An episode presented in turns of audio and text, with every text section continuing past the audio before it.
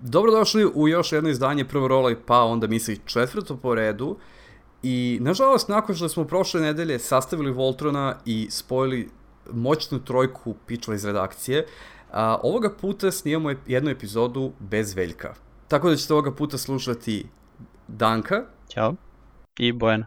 Ćao i ja.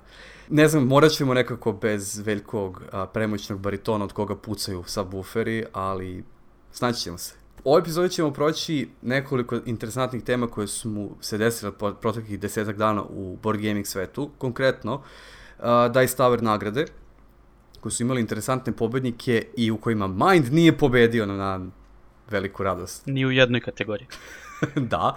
Uh, ima nekoliko najava, i to dosta jakih stvari. Uh, jedan veliki podatak o D&D-u da je veći od svemira. Uh, nekoliko novih igara koje je najavljeno, opet, kao i prošle nedelje, nije puno jakih najava bilo, ali su dobre. I na kraju završit ćemo vašim omiljenim segmentom, koji danas i dalje vam je omiljen, kada ćemo mi da onda razglabamo o tome šta smo igrali prethodnih 10 dana.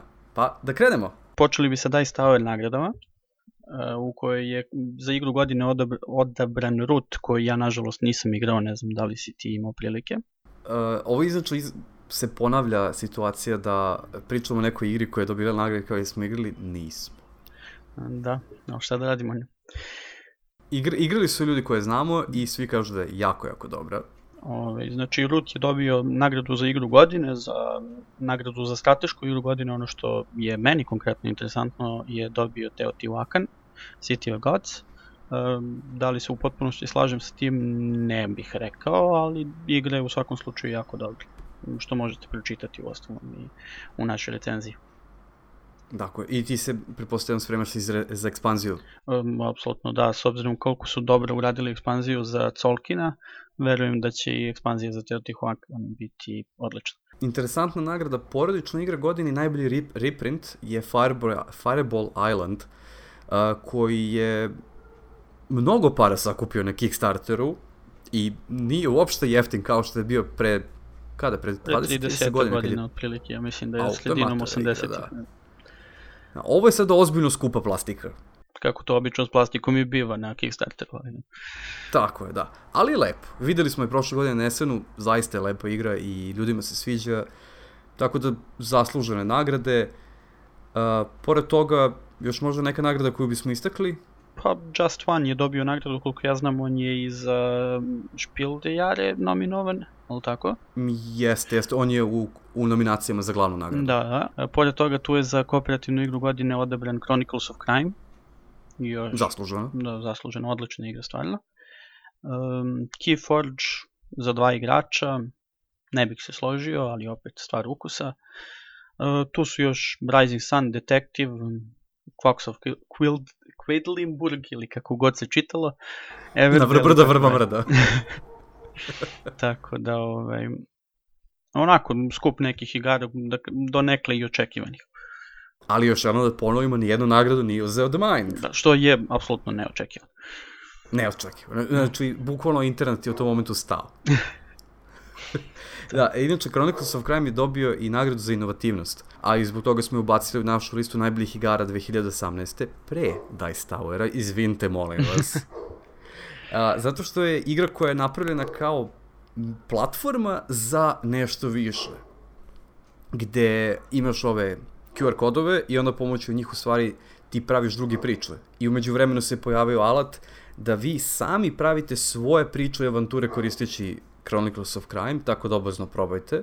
Imate link na našem sajtu. Ja, to me to. baš iznenadilo. Iskreno, oni su pričali ovi da će to, da, da se pojavi taj alat, ali sam ja nekako bio skeptičan da, s obzirom da oni prodaju ove njihove dodatne te scenarije i tako preko, preko aplikacije, plašio sam se da jednostavno neće doći do, do toga da, da izdaju i tu alatku koja će dozvoliti jednostavno ljudima da, da prave svoje, a znamo u ostalom koliko je internet po tom pitanju moćan i koliko će ljudi verovatno praviti jako, jako kvalitetne stvari. Ne, to apsolutno. Ovaj, I mene je iskreno iznenadilo kad se pojavila ta aplikacija konačno, mm. koliko stvari je kompleksna.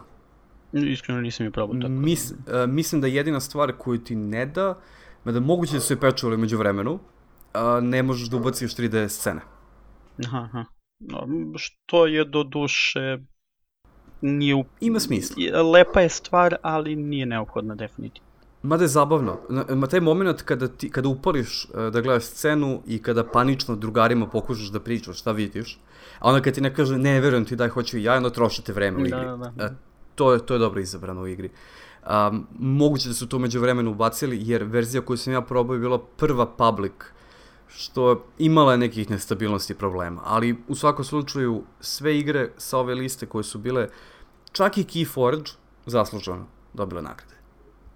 No, kao što rekoh, ovaj, subjektivna stvar, ukusi se razlikuju, ali to je sve normalno, tako da. Naravno, naravno. Keyforge, sa njima je problem i mislim da je to opet tema za neki drugi podcast, mm. samo ćemo brzinski. Mislim da je to igra koje, sa kojom tvoje iskustvo zavisi o tome kakav dek si dobio. Apsolutno, znači najveći igraš. problem, ja ne smatram da je igra loša, da krenemo od toga, najveći problem je što dekove koje mi imamo kući, nam partija traje jednostavno oko 45 minuta, pritom smo mi jako brzi igrači generalno u igrama, i za to vreme završimo Great Western Trail koji mi da jednostavno mnogo više uživanja u tih 45 minuta nego Keyforge.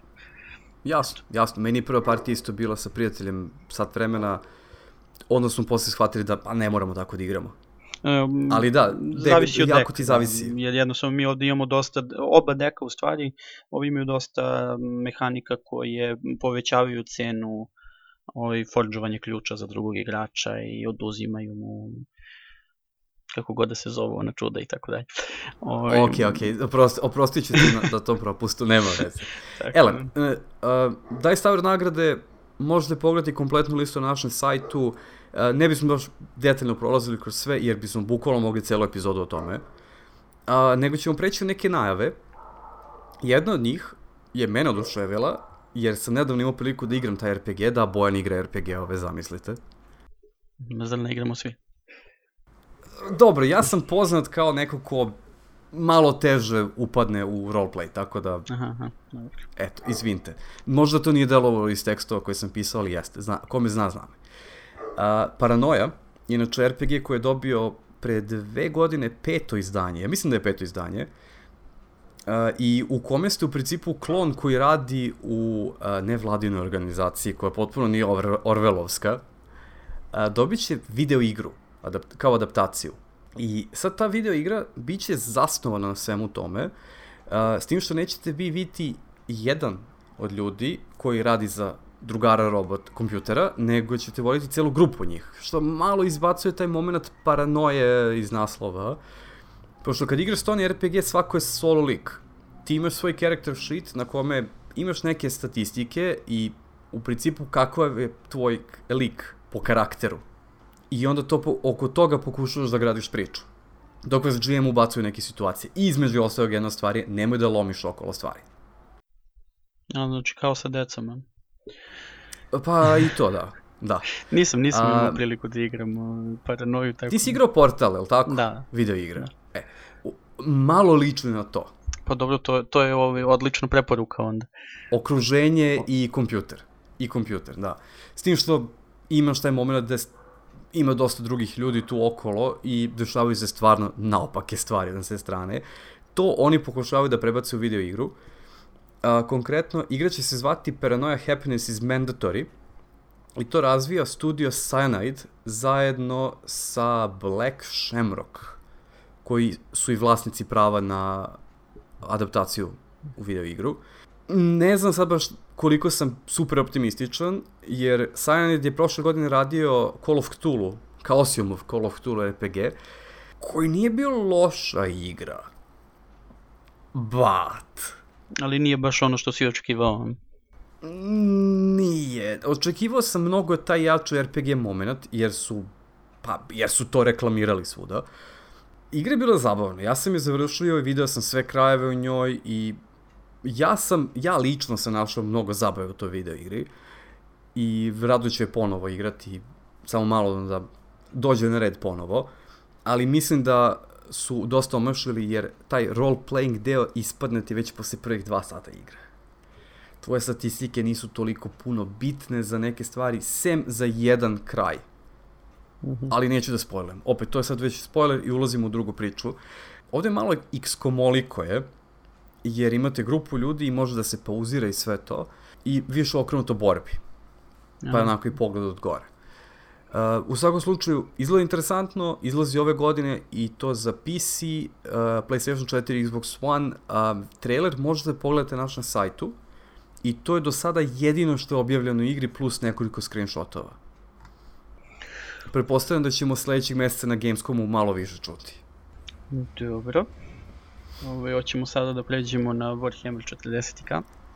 Da, i kad smo već na sci-fi-u da, da nastavimo o tome, druga adaptacija, i hoćeš možda ti to da pa, teatralnije najaviš? Koliko ja primećujem, opet nemamo mnogo informacija o, o celoj priči. E, znači, Warhammer 40k serija o kojoj ne znamo previše, osim što znamo da će se raditi o inkvizitoru Gregoru Eisenhornu, e, kojeg su oni koji vole da čitaju novele, romane smeštene u, u ovaj setting, već mogli da čitaju nekoliko knjiga, Zenos, Maleus i Heretikus. E, pored toga, znači, to je u naj, nekom najnižem stupnju trenutno razvoja, znači jako malo se zna o, o samoj seriji, znači ni kad, kad će biti, ni šta će tačno ovaj, da, da se dešava.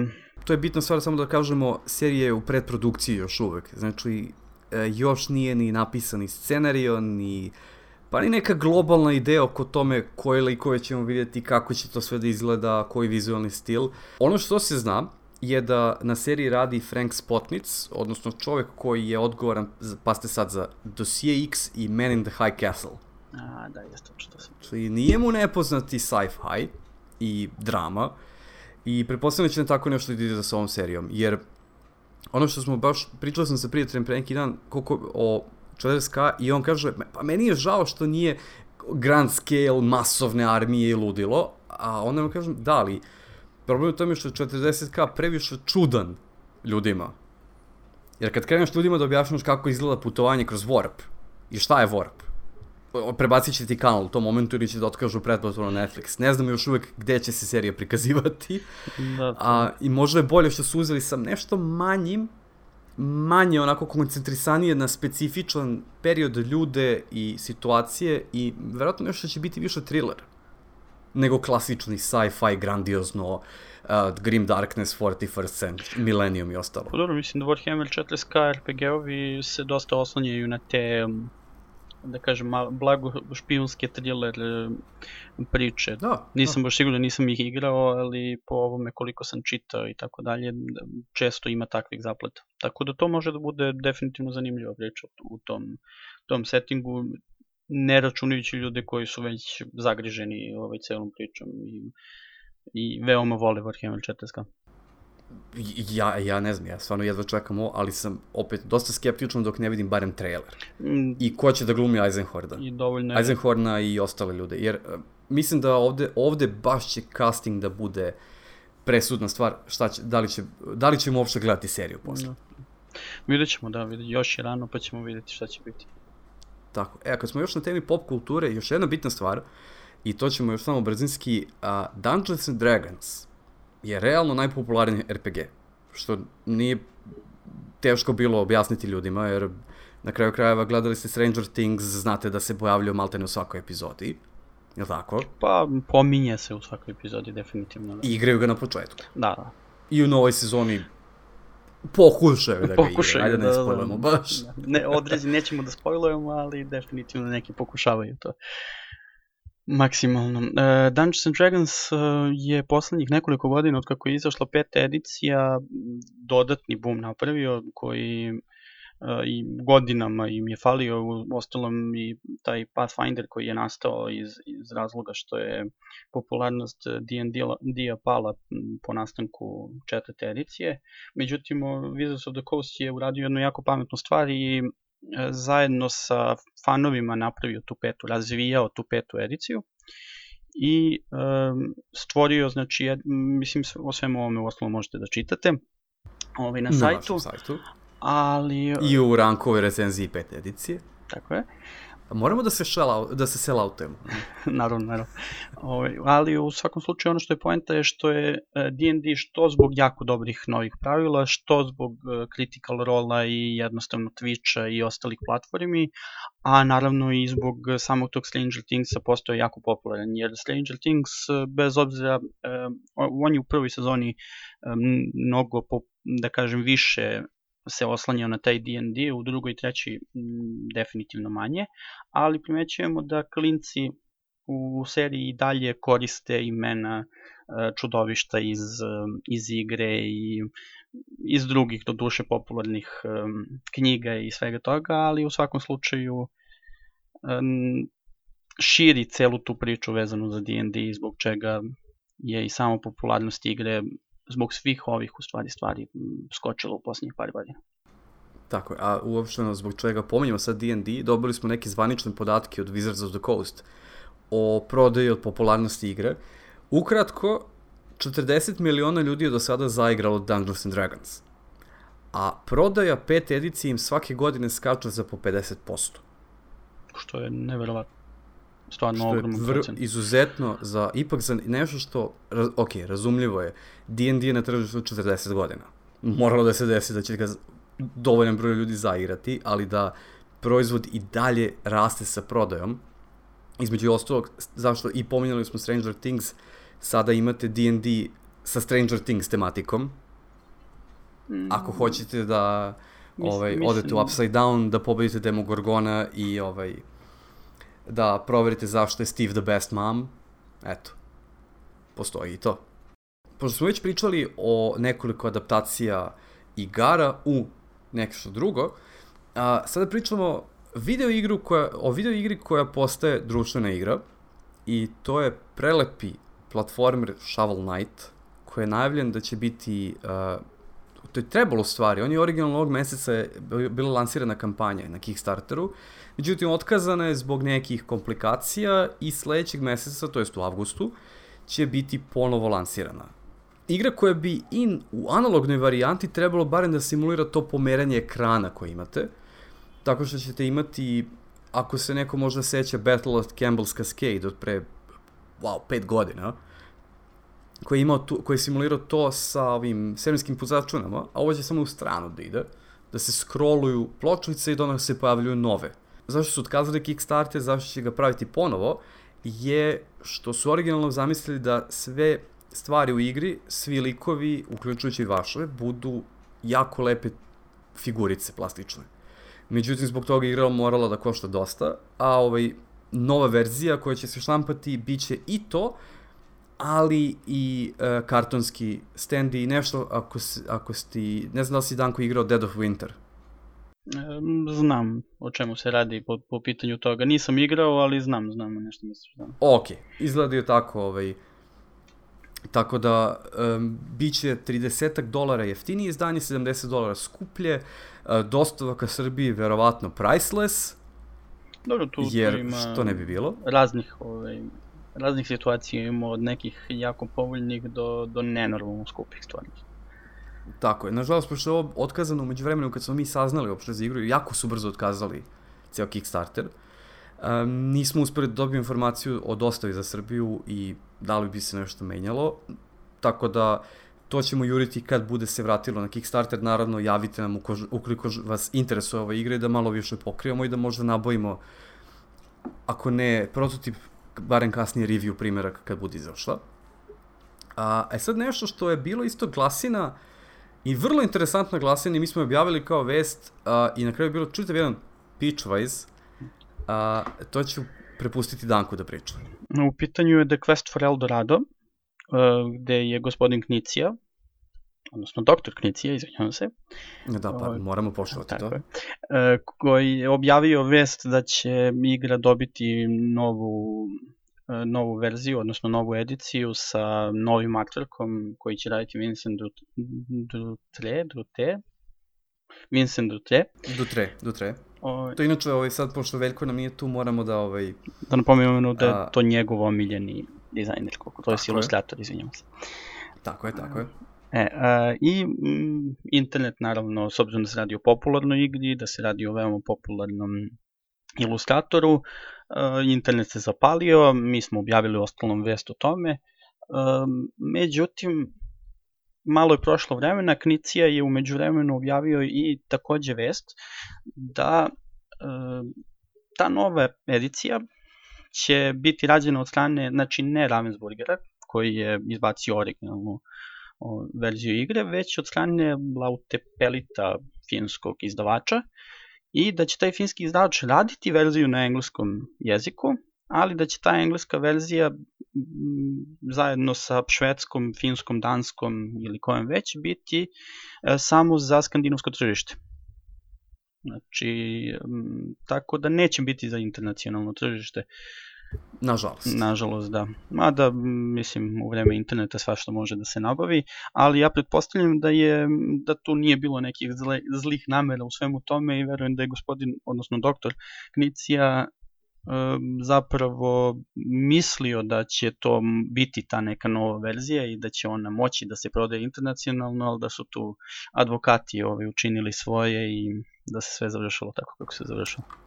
Prokleti advokat. Da, kao ja. Upropaste nam svu zabavu. Manjak komunikacije samo je bio. Što je to samo do što je bukvalno objavljeno kao vest i svi smo se oduševili i svuda je izašlo. Na kraju nije bilo baš tako, ali šta da radimo. Nego, samo ćemo se premotati još jednom na priču o Kickstarterima i o Mada opet i ovo je isto i poznati, poznati izdavač, poznati distributer i dizajner, sve to se nekako sklopilo, da kažemo, ne kao Voltron prošli put, ali ajde da kažemo kao Torine od Lego kockica. Dobro, da kažemo da je poznata igra uzeš u obzir da je stara deseta godina. Tako da eto, imaju, imaju kompletan red u bingu sastavljen. A, Preta Porter, odnosno Preta Pota, ne znam kako se, kako se mm, zvanično na francuskom ovo kaže, izvijam se. Stvarno ne poznajemo francuski. Čovjek koji, ja sam učio mnogo dugo francuski. A. I u osnovnoj srednjoj školi. Onda ti treba da znaš. Ništa ne znam. Ne. Ne. A, ovo je inače igra um, koja je originalno ne znam, ne, ne mogu sad tačno da setim ko je bio zavač, ali je jako, jako dugo van distribucije prodaje. I Portal Games se odlučio, o čemu smo mi pisali ranije ove godine, da preuzme prava na tu igru. Međutim, uradili su jednu zanimljivu stvar, jako nestandardno za njih, lansirali su Kickstarter. Ovo je prvi put da Portal Games a, finansira dodatno svoju neku igru. I to smo baš pre snimanja ove epizode pričali smo, istraživali smo, jer nam je bilo jako čudno da, da baš Portal Games od svih izdavača koji su iz Evrope lansira Kickstarter i da kaže ovo je prvi Kickstarter. Bili smo ubeđeni da je bio neki pre, ali ipak nije. Za sve ima prvi put. Da. E, inače, s obzirom da igru je Trežvik radio, ili kako god da mi čitamo njegovo prezime, ovaj, s obzirom da se radi o poljskim imenima, to, to uvek može da bude problem. Ovaj, ja e, mislim da je portal i bio izdavač originalnih izdanja. Ja sad ne znam da li im je u planu uopšte da imaju retail varijantu posle ovog Kickstartera ili je ovo možda baš iz tog razloga Kickstarter kao neko, neki vid e, preprodaje, ali samo na tom nivou da će dobiti Kickstarter Pledger i niko više. Time se nisam bavio, ne znam da li je... Ovaj... Pa iskreno, um, znajući njih, um, oni do sad ništa nisu radili da bude neka limitirana verzija, ekskluziva za nešto, nego jednostavno to je igra koja se pojavi i piče dalje. Da. Ili A, možda istraživanje tržišta, u ostalo može i to uvijek da bude. Vrlo, vrlo moguće. Sad inače u momentu kad budete vi ovo slušali, Kickstarter za Preto Porter bi trebao da bude završen, ili pri samom samom kraju, zavisi kada slušate. Uh, skupljeno je preko 250.000 dolara od traženih 35.000 dolara, preko 4.500 bekera, dakle, vrhunski određena kampanja, naravno nije vrtoglavo kao što Simon radi i kao slične stvari, ali za igru koja je ipak o modnoj industriji i šetanju na modnoj pisti No, za početak vrlo, vrlo i Eurogame. Ko... Baš tako. Ovaj, oni mnogo manje para zarađuju i mnogo su jeftini sami po sebi, tako da je to dobro početak, ali opet s druge strane se radi o veoma poznatom i uh, popularnom dizajneru i tako da je možda do nekla i logično. U saradnji sa još nekoliko poznatih ilustratora. Da, da. Pošto u igri dobijate 60 dodatnih karata koje su crtali ljudi kao što je Ran Lukat, uh, Mihajlo Dimitrevski, odnosno Mičo, koga mi obožavamo, i uh, David Kokard, Piero, tako da A, nema, eto, nažalost, a, Veljkovog omiljenog ilustratora ovde u ovoj listi. Ne. Šta da se radi? Ne možemo uvek sve da dobijamo. A, igra izgleda prelapo, zaista. I nema sumnju da, da će biti ponovo hit. Um, I verujem da će biti ponovo u slobodnoj prodaji. Da, Opet kažem, Portal znači, nije blesav da propusti takvu priliku.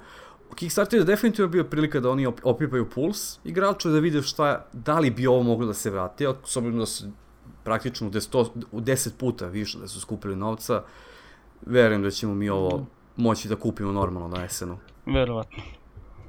Igra inače izlazi u oktobru, taman pred esen, i bit će mogu, ako posećujete ovaj sajam u Nemačkoj, bit će prilika da ako bekujete igru da je pokupite na samom sajmu. Što znači da verujemo da ćemo mi tamo moći da pokupimo primjerak za redakciju. To bi bilo lepo. Pa da pričamo o tome tamo negde početkom novembra. Tako je, a umeđu vremenu, odnosno sad, ćemo pričati šta smo mi igrali u proteklih 10-15 dana. Uh, I to su, ovog puta su se podklopile, pričat ćemo samo tri igre, i sve tri igre smo igrali sva trojica, Veljko ovaj, nam vjerojatno u komentarima sa mora, pošto je čovjek otputovo, ovaj, dobacuje sad nešto što i on igrao, nema veze. Ajde da kažemo kad sam već na relativno euro igrama a, i pomenuti Mičo, uh, Architects of West Kingdom. Da prokomentarišem da ga mi obožavamo, ja se ne bih ovaj, složio sa tim, odnosno... A daj! E, Da, šta da radim. E, moram uvek da budem ovaj, kontraš, a, jel se tako kaže. E, ne, iskreno, e, S mogu ja da radim? razumem zašto se ljudima sviđa njegov artwork, meni lično ne leži. Eto, to je moje mišljenje, Ok. znači ne, ne, svi, ne sviđa mi se e, način na koji, ovaj, na koji radi likove, sviđaju mi se boje koje su onako saturacija jako lepo na njima, šarene su i jako to lepo izgleda sa te tačke gledišta, ali sve ukupno nisam nešto oduševljen. Ali to je sve normalno, ja na primjer volim Clemensa Franca za kojeg čitam na internetu kako ljudi smatraju da crte kao trogodišnje dete i tako dalje, tako da. Sve to stvar O, ukusa, posebno kod ilustracije. Naravno, naravno, uku se ne dirati. Elem, Architects of West Kingdom je još jedna od brojnih igara ovaj, vezanih za... Imali smo ranije uh, North Seas i Raiderse i sve to bila, bila je cela linija igara sa vikinzima, sad smo prešli malo u kraljevstva. Ovoga puta smo bili, kako Veljko voli da kaže, bili smo hulje jedni prema drugima. Dok smo postavili radnike na tablu. I ako se ne vram, ti si ovo prvi put sada igrao sa nama, da, tako? da, da. I kakav je prvi utisak?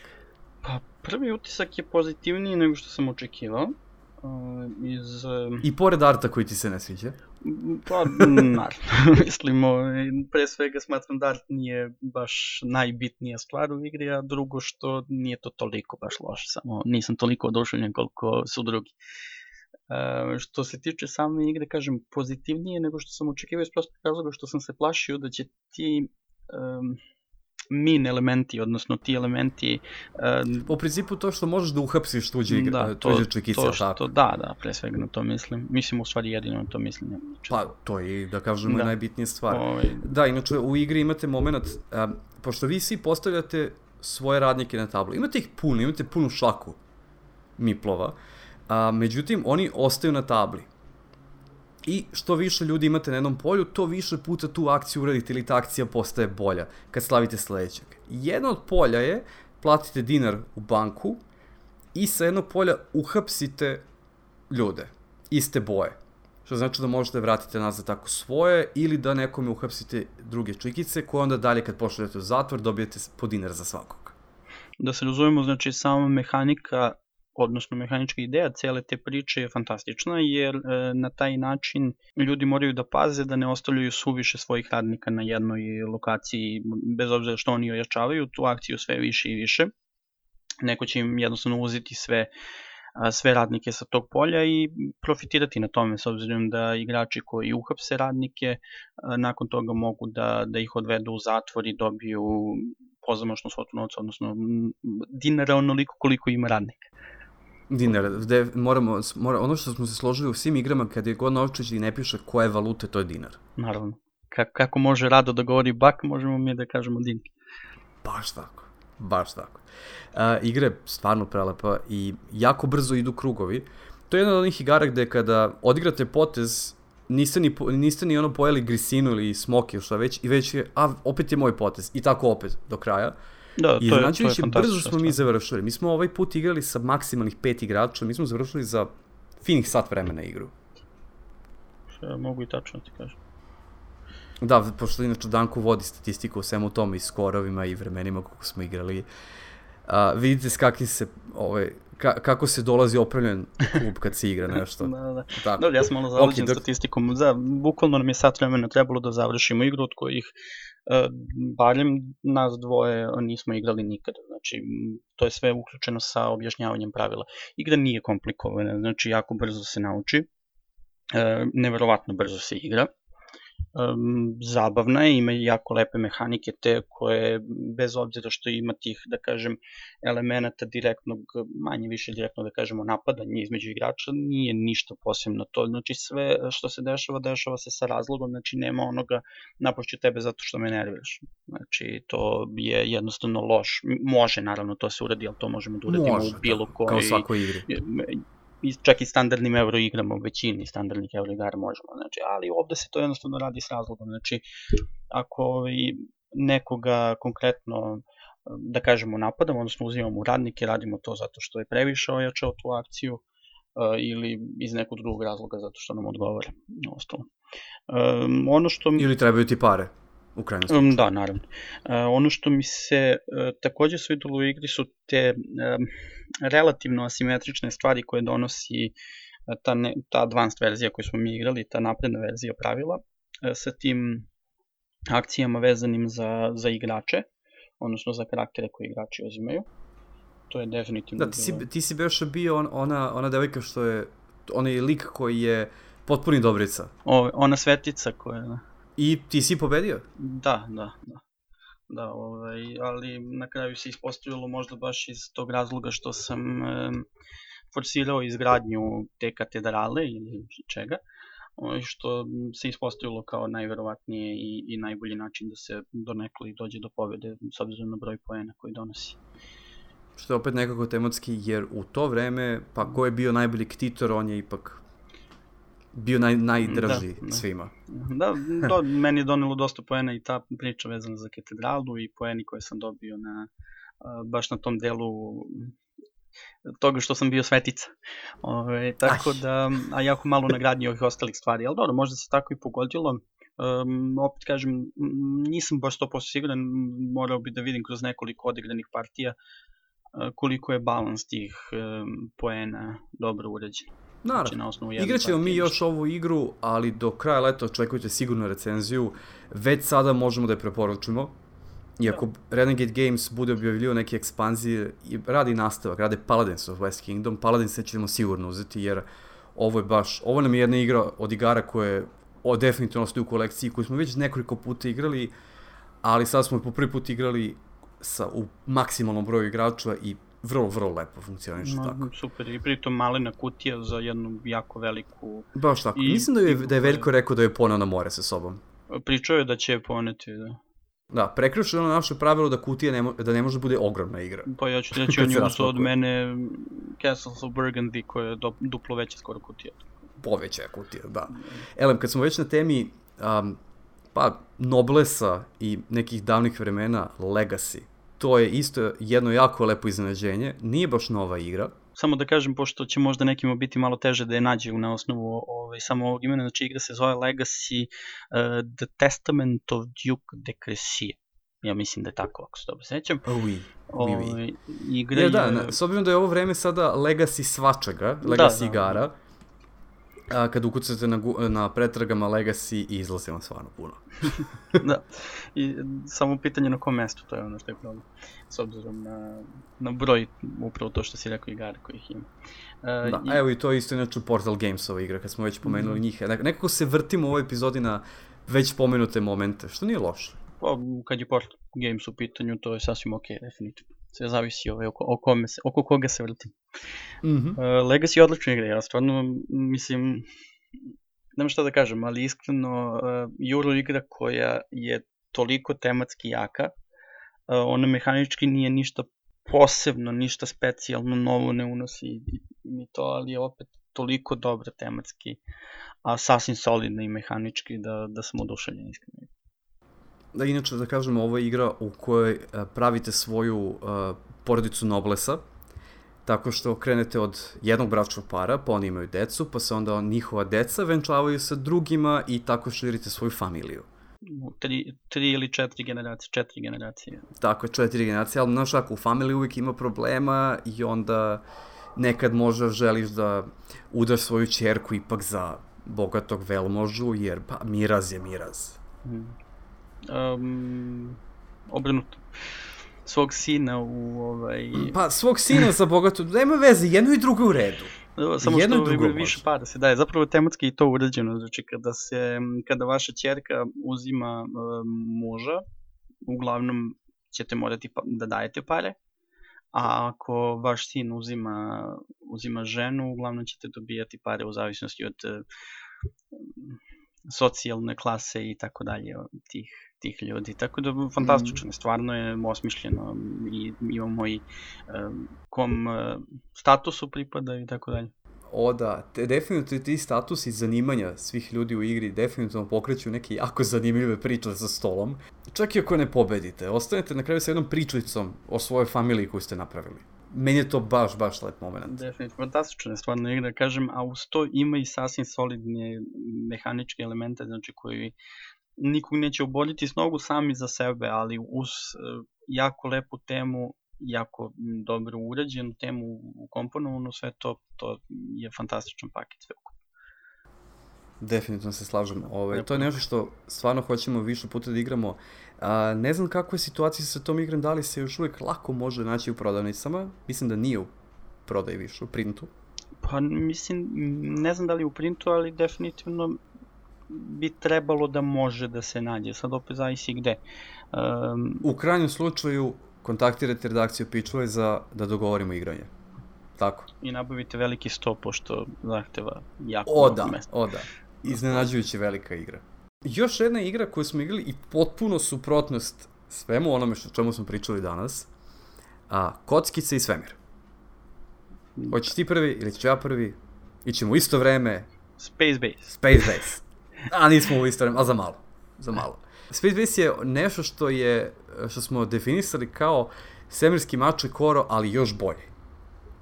A sad ćeš reći nisi igrao mače kore, ali da? Ma reći ću da nisam igrao mače kore. Nema veze. U svakom slučaju, igra je zove Alderak, Alderak Entertainment, odnosno AEG, i ugrabili smo je prošle godine Nesenu. Igramo je mi povremeno, spremamo naravno recenziju za nju, ali ovaj, nekako, stalno smo pravili velike pauze i onda bilo, ajde da se ponovo podsjetimo igre. Imate svoju svemirsku stanicu sa brodićima označenim brojima od 1 do 12, što su sasvim slučajno brojevi koje možete da dobijete rolovići kockice. I onda vi na svom potezu bacite kockice i neke od vaših brodića se aktivira, ili jedan ili dva. To je zbirate da li ćete aktivirati zbir ili jednu po jednu kockicu. I sad ti brodovi vam daju ili dinare, ili vam daju uh, Victory poene koji su označene svemirskim brodovima ili vam daju neku specijalnu sposobnost sad kako ste kupovali. Ali najbi, najzanimljivija stvar u toj igri je što jedan rola, a svi za stolom se raduju. I to mislim da je mnogo bolje uhvatilo nego Mače Koro, jer uh, ovde stvarno možeš da napraviš čitav engine oko toga šta se dešava kad nije tvoj potez. Da, definitivno je to jedna od najboljih stvari vezanih za ovu igru iz prostog razloga što tokom izvinim se sad ću mikrofon. Iz prostog razloga što tokom cele partije su svi uključeni u, u svaki potez.